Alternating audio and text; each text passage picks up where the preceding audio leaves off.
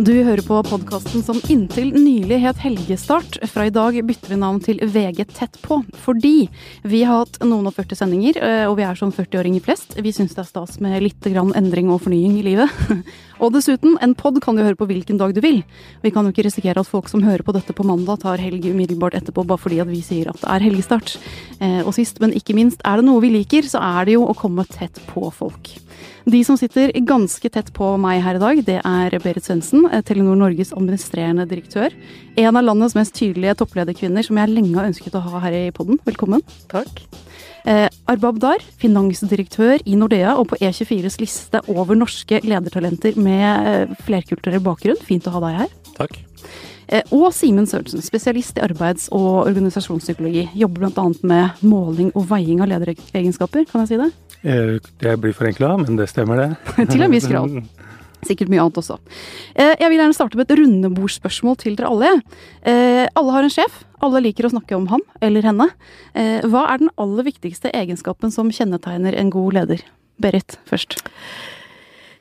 Det som jeg setter veldig god pris på eh, med ledere, er eh, at de evner å jobbe i et team. Um, jeg har selv fått høre mange ganger at eh, jeg er litt kjapp. Jeg har lyst til å komme veldig fort til en konklusjon, og så løpe videre. Eh, og det sies jo at det er ingen som kan spre sånn mørke som den som har sett lyset. Det må man tenke litt igjennom. Eh, så det å være i et team, og lede, og sitte og lede et team, da må man evne å utnytte alle de kan du si, gode innspillene som kommer fra teamet, før man trekker en konklusjon. Og jeg pleier å si at hadde det vært fem Beriter i det teamet, så tror jeg at folk hadde snudd i døra. Så det med å ha mangfoldighet i teamet, få de gode innspillene, og så trekke en konklusjon, det er de beste egenskapene, noe av de beste egenskapene jeg ser ved gode ledere. Mm. Så god lytter, eh, en god leder lytter mer enn hun snakker, da? Eller? Ja, det er veldig, veldig viktig å lytte. Eh, Bob? Nei, jeg vil egentlig trekke frem det samme aspektet. Eh, Dette er med det å skape de riktige teamene, eh, og det å kjenne mennesker. Fordi min oppfatning er at vi er alle mennesker, vi er alle ulike. Og en god leder evner å se de ulike personlighetstrekkene, og forstå hva de ulike menneskene er opptatt av. Og gjennom de ulike personlighetstypene ha en mulighet til å identifisere egentlig de den teamsammensetningen som er ideell, om det så være i et prosjekt eller hva det måtte være. Og det å kunne være klar i kommunikasjonen til f.eks. arbeid som skal utføres, eller hva det måtte være. For det, det er litt sånn eh, Jeg er kanskje litt for tydelig eh, igjen i den kommunikasjonen jeg har. Eh, jeg også ønsker å nå målene veldig raskt, men jeg har innsett og fått beskjed og tilbakemelding om at Arbab, nå må du roe deg ned. Folk får litt bakoversveis når du fyrer på. Ja, Mm. det er helt riktig. Men du, må man være litt glad i folk også for å være leder. Må du liksom elske folks svakheter og ulike personlighetskrumspring? Ja, for det er da du egentlig ser eh, hvilke muligheter den personen egentlig har. Det er når du ser styrker og ikke minst da svakhetene, som gjør det mulig å bygge den personen kanskje til den, det du vil at den personen skal gjøre for deg. da. Jeg ble litt sånn opptatt av en kronikk som jeg leste i DN på fredag, eh, hvor det var en forsker ved Friksenteret som sa at noe av det viktigste i kampen mot ekstremisme eh, og terrorisme på norsk jord nå, det er å ha forbilder, lederskikkelser, som viser at det går an å få til noen ting og gjøre suksess i Norge uten sånn blenda hvit etnisk norsk bakgrunn. Eh, Tenker du deg selv, på deg selv også som et forbilde? I kraft av den lederstillingen som du har? Jeg, velger å snu litt på det og si at eh, jeg har hatt eh, veldig mange forbilder, uavhengig av etnisk opprinnelse eller kulturell bakgrunn osv. Jeg ønsker å være det samme, samme forbildet. Eh, ikke bare for de som har den samme flerkulturelle bakgrunnen som det jeg har, men også for andre. Eh, men jeg det skal være ærlig si at jeg tenker ofte på det, og mange har egentlig kommet bort til meg etter spesielt eh, kåringen i forbindelse med Ledertalentene på E24, at eh, de, de har sagt at du, vi ser virkelig opp til deg. Du er en inspirasjon for oss andre også. Eh, Så det setter jeg jo veldig stor pris på, og jeg mener det er viktig i, i samfunnsdebatten som kommer til eh, det gjelder eh, ekstremisme osv. Mm, det skal vi komme tilbake til.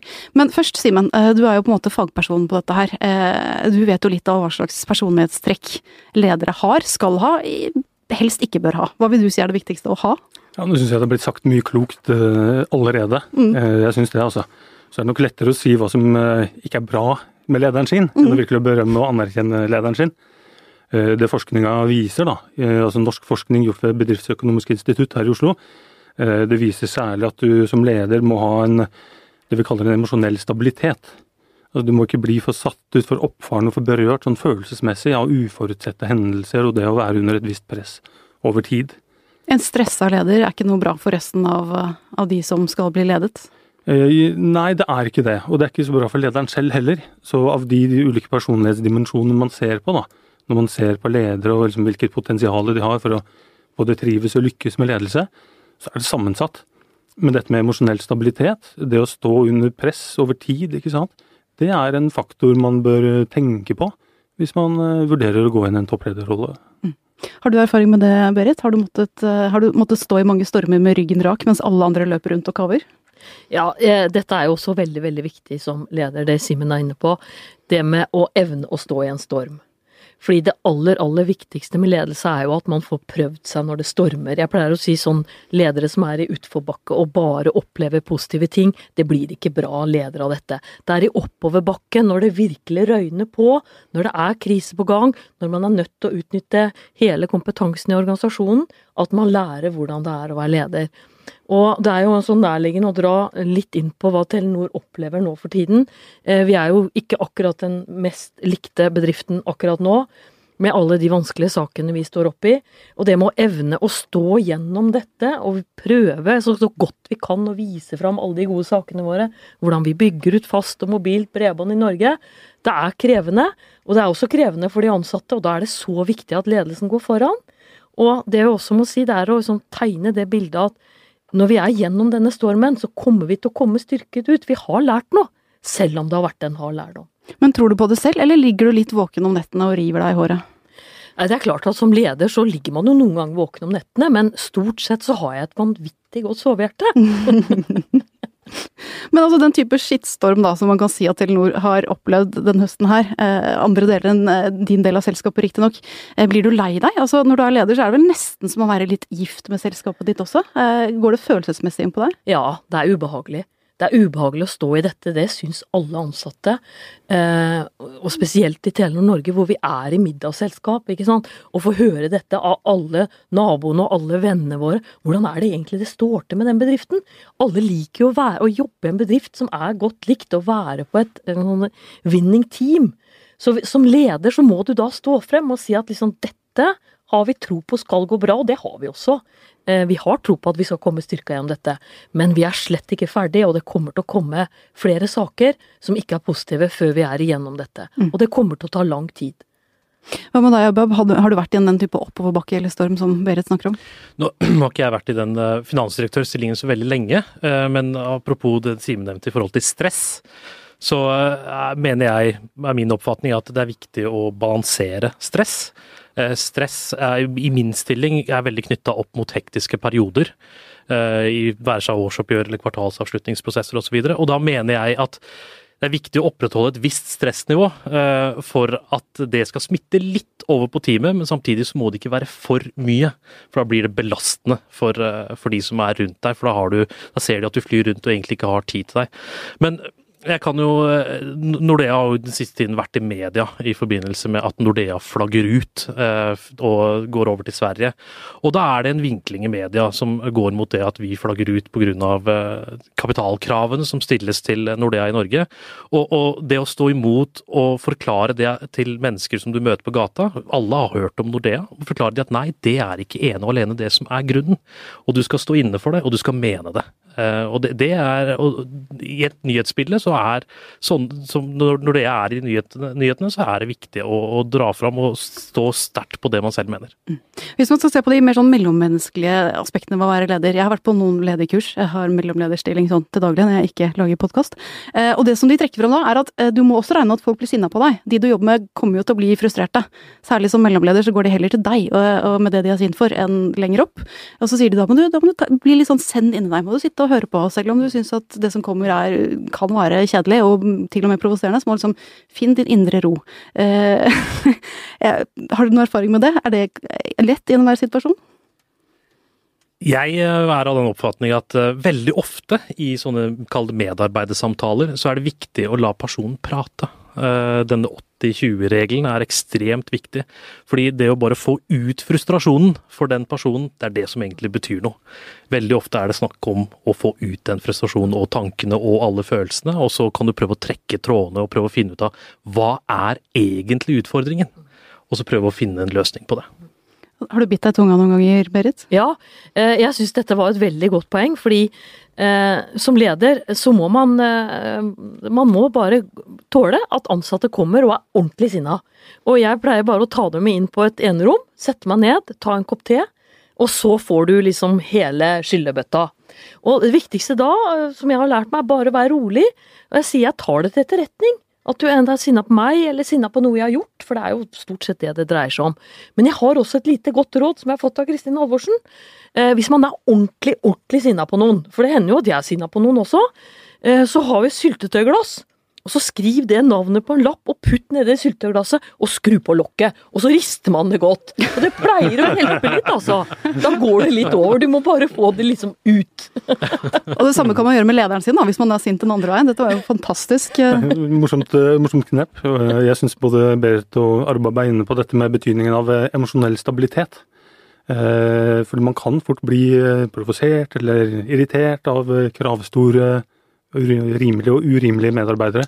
Så jeg tror nok at dette med emosjonell stabilitet er en viktig egenskap for mange ledere. Mm. Eh, jeg har også lyst til å peke på en annen eh, egenskap som eh, jeg syns både Berit og Arbab har vist i dette intervjuet allerede. Og det er selvinnsikt. Det er en viktig lederferdighet, da. Mm. Egentlig en viktig ferdighet i de fleste situasjoner? Ja, og spesielt som leder, da. For du må være innforstått med hvilken effekt er det jeg kan ha på omgivelsene mine. Så når Berit sier at uh, hun er veldig dyktig på det å fatte, fatte, beslutninger hurtig, så er hun også tydelig på at jeg må passe på at jeg ikke blir for rask.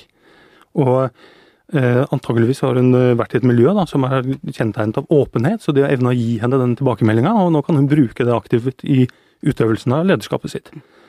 Sammen med Arbab, som er tydelig på at han kan være veldig tydelig, og er oppmerksom på at han må balansere dette. Så dette med selvinnsikt også en annen viktig egenskap. Men du Simen, jeg lurte på også til deg. Eh, er det mulig å se tidlig i livet hvem det er som har anlegg for å bli ledere? Eh, er det slik at den som var formann i elevrådet på ungdomsskolen, den ender gjerne opp som admdir i Telenor også, eller? um, jeg tror mange tenker litt for sort-hvitt på dette, altså. At enten så har du det, eller så har du det ikke. Det er en uh, anakronisme, altså. Det er en forestilling som tilhører fortida. Ja. Så du kan sitte bakerst i klasserommet og vippe på stolen, skyte viskelær med sånn linjal, og likevel klatre til topps. Det er jo mange gode eksempler på at folk eh, blomstrer seint og utvikler seg til fantastiske mennesker og veldig dyktige ledere. Eh, så er det andre som har det i seg fra barnsben av og vet at de alltid skal være, eller alltid visst at jeg skal bli leder. Hvordan var det for deg, Berit? Nei, jeg har jo alltid likt å konkurrere, eh, helt fra jeg var ganske liten. Og jeg både svømte og rodde, så jeg har nok et litt sånn konkurranseinstinkt i meg. Men jeg kan ikke huske at jeg var veldig, veldig opptatt av eh, på en måte å nå toppstillinger når jeg studerte i Trondheim. Jeg tror jeg var mye mer opptatt av at jeg skulle få en veldig spennende jobb. Fordi det er jo mange år siden jeg gikk på NTH, og jeg er veldig glad for at eh, du kan si, eh, ikke alt baseres på den lærdommen jeg lærte der. Eh, jeg har måttet avlære meg selv mange, mange ganger. Eh, det aller viktigste er at man på en måte er hele tiden nysgjerrig og er i stand til å lære seg ny teknologi, for man, man, er nødt til å gripe mulighetene. Og det har på en måte blitt min livsfilosofi. Min karriere har gått opp, og den har gått ned, og den har gått bort, og så har den gått litt opp igjen. Så jeg tror det å tro i dag at du går ut fra en skole og at alt er rosenrødt rett på vei oppover, sånn er det ikke. Så let etter de mest spennende jobbene hvor man kan bruke det man kan, og enda lære litt mer. Det er i hvert fall min filosofi. Grip mulighetene, de ligger alltid der. Du har jo jobbet mange år i en temmelig mannsdominert bransje. Hadde du noen sånne forbilder som Arbab var inne på her tidligere? Eh, noen, noen kvinneledere som du så opp til og tenkte sånn kunne jeg blitt? Jo, jeg har jo alltid vært en stor beundrer av Gro Harlem Brundtland. For jeg syns jo hun har gjort veldig mye fantastisk for kan du si, likestillingen i Norge. Få inn damer i offentlig sektor. Få inn damer i, i tunge stillinger i regjeringsapparatet. Det er jo ingen som spør lenger om vi har en sant, kvinnelig statsminister, vi har kvinnelig finansminister, vi har en kvinne som er forsvarsminister, kvinnelig NHO-sjef, LO-sjef. Altså, har, jeg syns de har fått til så mye, de damene som har gått foran og på en måte vært og bidratt til den likestillingen vi har i Norge. Så jeg er en stor beundrer av henne, i tillegg til hennes engasjement eh, på miljøspørsmål og veldig, veldig mye annet. Så jeg syns hun er veldig flott. Men Har det vært noen sånn typiske utfordringer, da? Har det vært noe glasstak som du har slått hodet i på veien opp? Eh, har det vært noe som har gjort det utfordrende for deg å komme dit du er i dag? Du kan si jeg har jo alltid vært opptatt av å gripe mulighetene og gjøre en veldig god jobb der jeg er. Og jeg, jeg må jo si jeg har hatt en fantastisk fordel av, selv om den uttalelsen er jo lenge siden jeg gikk på Høgskolen i Trondheim, men å ha den tekniske bakgrunnen som jeg har hatt, har jo gjort det på en måte eh, en del enklere å jobbe i tunge tekniske miljøer, da. Fordi jeg har alltid hatt med den, den bakgrunnen. Og så oppdaga jeg også at jeg var veldig interessert i ledelse. Eh, når jeg begynte å jobbe, og det å kombinere de to tingene eh, og så har man på en dash finanskunnskap i tillegg, så begynner man å få mer sånn helhet som leder, da. Og det har egentlig eh, vært en veldig, på en måte, fantastisk bakgrunn for meg til at jeg har evna å ta større og større og større oppgaver. Mm. Men du var inne på at eh, vi har mye prominente kvinneskikkelser, i politikken i hvert fall. Eh, men på andre typer eh, kåringer så havner vi ikke fullt så høyt oppe. Altså, det har jo rusla gått en sånn kjønnsdebatt i forbindelse med topplederstillinger i år. Bare 6% av norske børsnoterte selskaper ledes av en kvinne. I norsk næringsliv er bare 13% av topplederne kvinner, og på en sånn internasjonal oversikt over lederkjønnsbalanse så havner Norge på en 50. plass. Altså land som Jamaica og Colombia er mye mer lederlikestilt enn oss. Også land som Island og Sverige og, og USA. Eh, hvordan liker du det? Nei, jeg syns jo at eh, vi alle har en jobb å gjøre i næringslivet. Med å lære av eh, offentlig sektor, regjeringsapparatet, som har vært så flinke til å få mangfoldet inn. For det er jo sånn, jeg mener næringslivet går glipp av halve talentbasen hvis ikke vi også utnytter alle de kvinner som, er, som har talent og kan bli gode ledere. Eh, så jeg syns bare vi må fortsette å jobbe med det til vi ser en mye bedre kjønnsbalanse også i norsk næringsliv. Eh, jeg mener jo at det er en, det er en oppgave både for styrer og for ledelse å påse at man har kvinnelige talenter, og at man får de frem. Og jeg vil si jeg hører også kvinner eh, vil ikke. I Telenor Norge så kommer det damer og banker på min dør og sier 'jeg vil bli leder'. Så sier jeg så flott. Eh, da vet jeg hvem på en måte som skal komme i betraktning eh, ved neste ledige lederstilling. Så kvinner, de vil. Det er i hvert fall min erfaring. Eh, og jeg har lyst også til å, se litt over Atlanteren, for ser du over Atlanteren, ser du de flotte damene som sitter som ledere i teknologiselskaper, og det er de store teknologiselskaper. Det er fantastisk flotte damer som bidrar til stor verdiskaping. Så jeg mener at kvinner kan, og kvinner vil. Og da må vi få det til! Men hva er det som gjør at vi ikke får det til, da? Altså, er, det, er det den gode gamle at menn rekrutterer menn, for de vet ikke bedre? Er det, er det der det stikker? Jeg tror det er flere ting som skal til. Det ene er at det må etterspørres fra styret, det må etterspørres fra ledelse. Vi må få frem alle talentene, for vi har ikke råd til å gå glipp av eh, halve talentbasen. Vi har heller ikke råd til å gå glipp av å ikke ta med alle de eh, flotte eh, utlendingene som kommer inn til Norge. Vi må, ta, vi må ta ledelse i hele, kan du si, befolkningen. For det er ikke så mange som blir de beste lederne. Sånn er det. Da må vi utnytte alt. Så det må etterspørres av toppen, og det er systematisk arbeid. Det må dyrkes frem. Um, og jeg ser at vi er på vei, men det må gå fortere. Og jeg tror at en av målsetningene kan være at man ønsker å ha toppledere, eh, kvinnelige styreledere, i kanskje de ti største selskapene i Norge. At vi på en måte kan sette, eller at det hadde vært en, en ambisjon, i hvert fall. Å sette det som en målsetning om noen år. Nå, det får jo opp til de styremyndigheter å sette, men det kan være forsøk. Og så har jeg lyst til å nevne én ting til. Det er det eh, som nå har kommet frem i Telenor Norge. Det er alle disse damene som banker på og vil til ledelse. De har nå danna et eget nettverk hos oss, da. Fire flotte unge damer. Eh, de kommer fra alle fagområdene. De kommer fra markedssiden, teknologisiden, HR-siden. Og de vil gjerne starte sånt eh, female network. Og jeg sa det skal dere få lov til. eh, for jeg vil ha inspirasjon, og vi kan inspirere hverandre begge veier. Dere kan komme opp med ideer, og dere kan inspirere flere kvinner til å, å gå inn i ledelse. Og vi hadde første samling nå for 14 dager siden. Det var 250 som var på den, det seminaret, og det var fullt, så vi måtte melde av. Så jeg tenker nå må vi tenke på bør vi streame dette ut, så flere kan ta del i det. Og jeg vil også oppfordre menn eh, til å være med, for for så blir det sånn kvinner, kvinner ser på et kvinnenettverk. Vi bør få med menn også. Mm. Eh, Simen, eh, for noen år siden så var det snakk om killerinstinkt i, i topplederstillinger. Eh, menn har mer killerinstinkt enn kvinner, og derfor så er de mer villige til å ofre hus og hjem og familie og, og roen og ta topplederstillinger enn det kvinner er.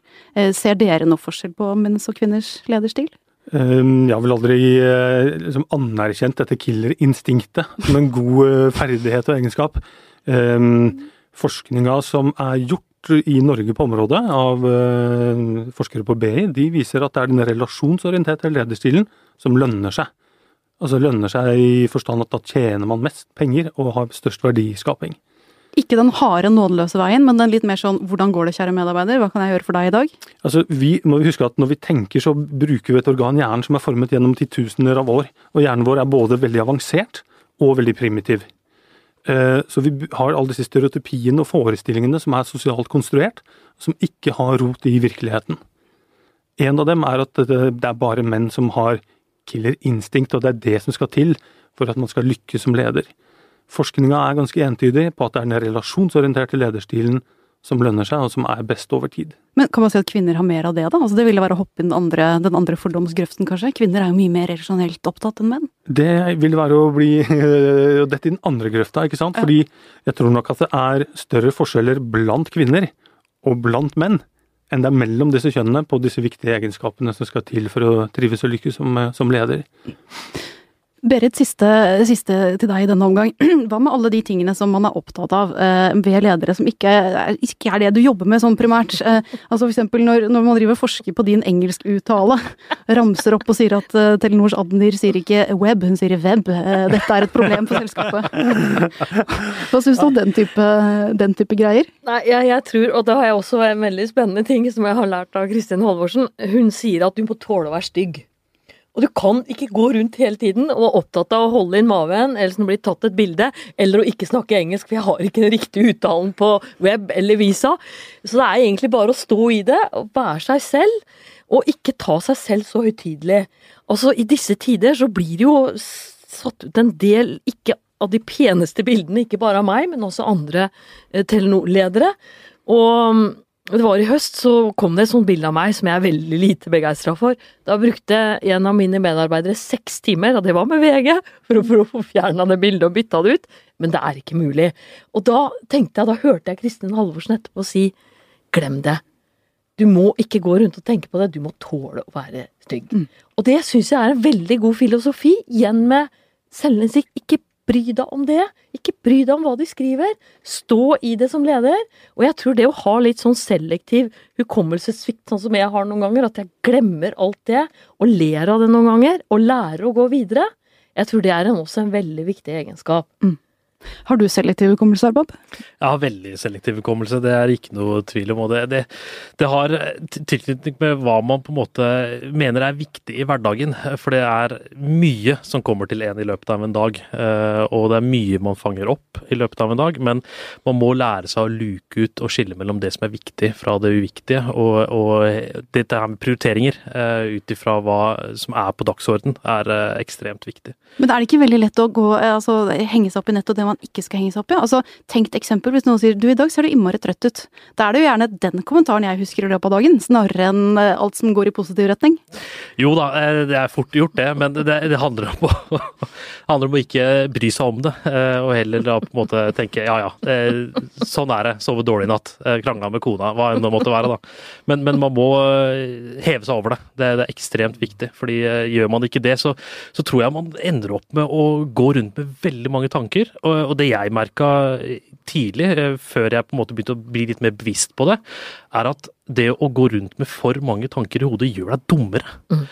For da klarer du ikke å skille det viktige fra det uviktige. Eh, og da, mm. det opplevde, opplevde jeg. Mm. Simen, er det sant? Altså, du er den som kan mest om huet av oss, stemmer det? Ja, du kan bare ha én bevisst tanke i hodet om gangen. Og hvis man går og bærer rundt og skal holde disse tankene varme og passe på at ikke noen av disse ballene faller ned, da får man det travelt, altså. Og det, dette tar opp veldig veldig mye mental kapasitet som man skal bruke på å forstå komplekse problemstillinger, resonnere, komme med løsningsforslag osv. Um, for øvrig så er det, det er jo dette med intelligens det er jo viktig i alle jobber. Uh, men det hevdes at det er litt mindre viktig i lederjobber enn i andre jobber. Ja, for der er personlighet eh, vel så viktig. Forskninga er ikke entydig på det, men du må være smart nok ikke sant, til å forstå de problemstillingene du får kasta på deg som leder. Eh, men det er ikke liksom, intelligens alene som gjør deg eh, egna og vellykka som leder. Det er personlige egenskaper som eh, er nødvendige der. Altså. Noter på en gul lapp, ta med på julebordet, diskuter med leder. Veldig bra. Eh, Arbab, jeg lurte på, eh, hvordan Altså, du har jo i en alder av kun 31 år blitt finansdirektør i Nordea. Det er sånn som jeg får eh, hakeslepp og stor respekt av. Eh, hvor tidlig skjønte du at du hadde lederemne i deg? Ja, det ble jo nevnt her innledningsvis, er det det at de som er elevrådsformann osv. På, på barneskolen som gjerne blir ledere. Nå har det seg faktisk slik at jeg var elevrådsformann på, på både barneskolen og ungdomsskolen. Var jeg var leder for Operasjon Dagsverk to år på rad på videregående. Ehm, jeg har hatt eh, lederstillinger i forbindelse med organisasjoner, lederorganisasjoner jeg har vært med på.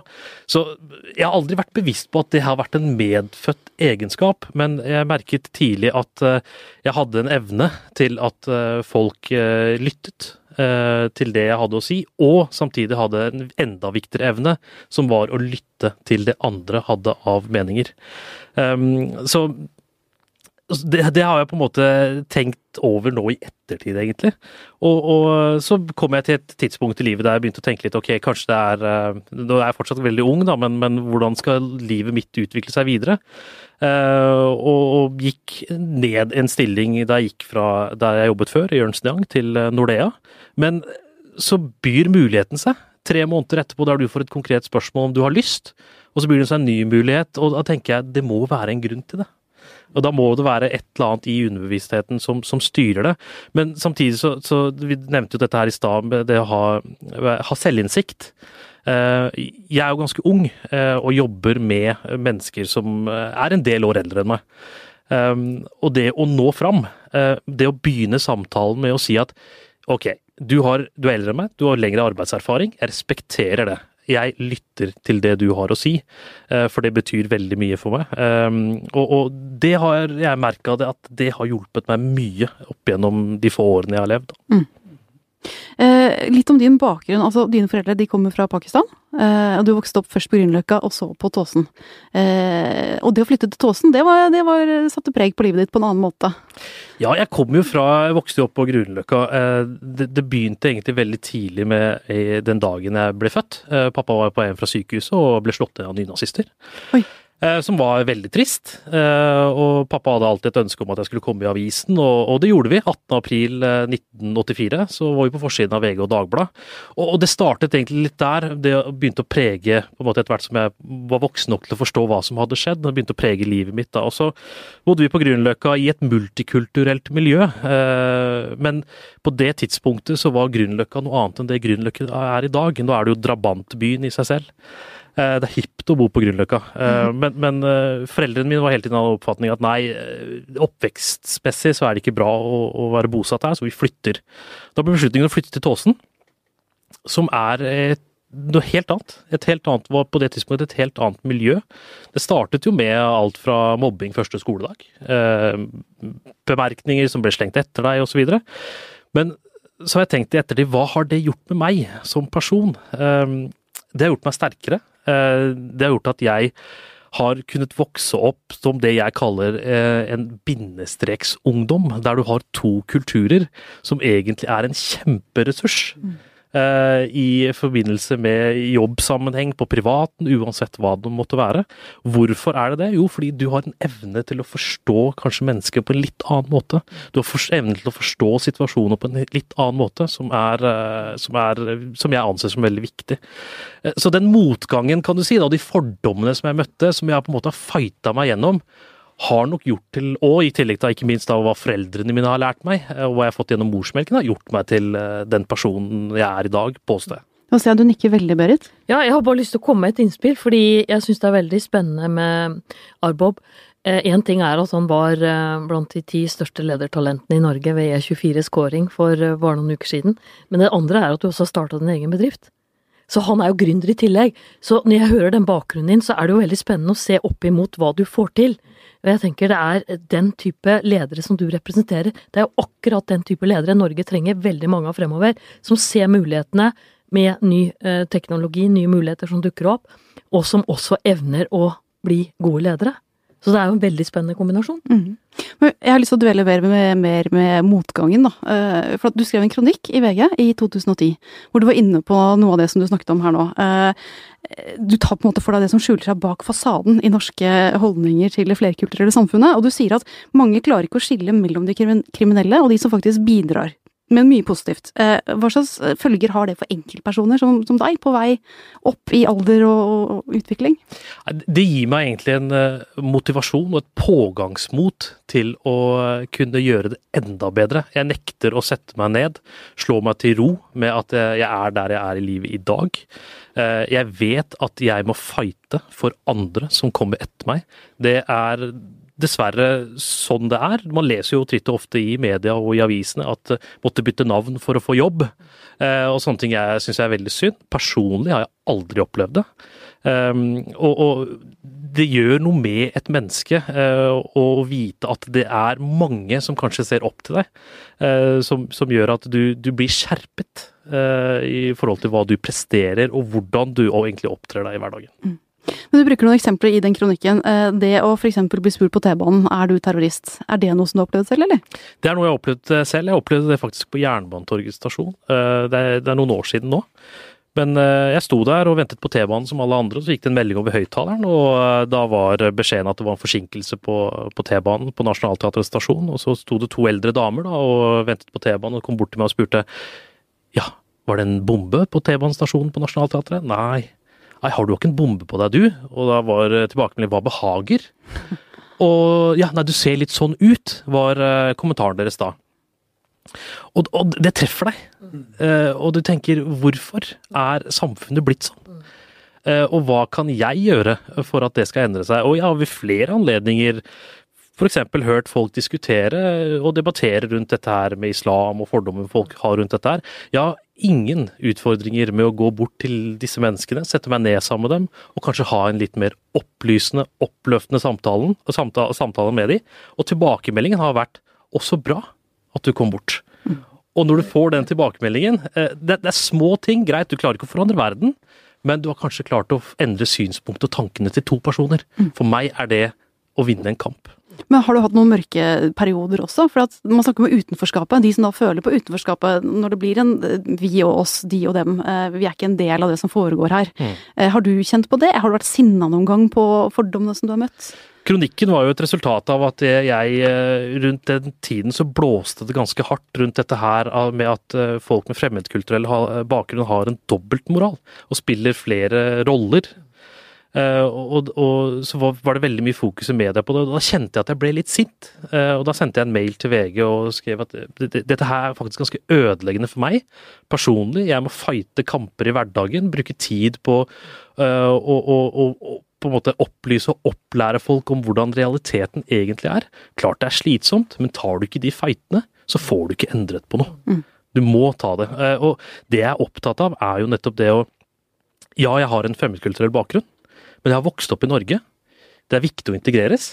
Men hvem skal få lov til å definere begrepet integrering? Det har vært mitt eh, standpunkt. Og jeg mener at integrering går på det å bygge det beste fra ulike kulturer for å få det til å bli en ny kultur. Der grunnsteinen er respekt og forståelse og samhandling. Det er noe av det viktigste. Man, eh, det kan man bygge videre på.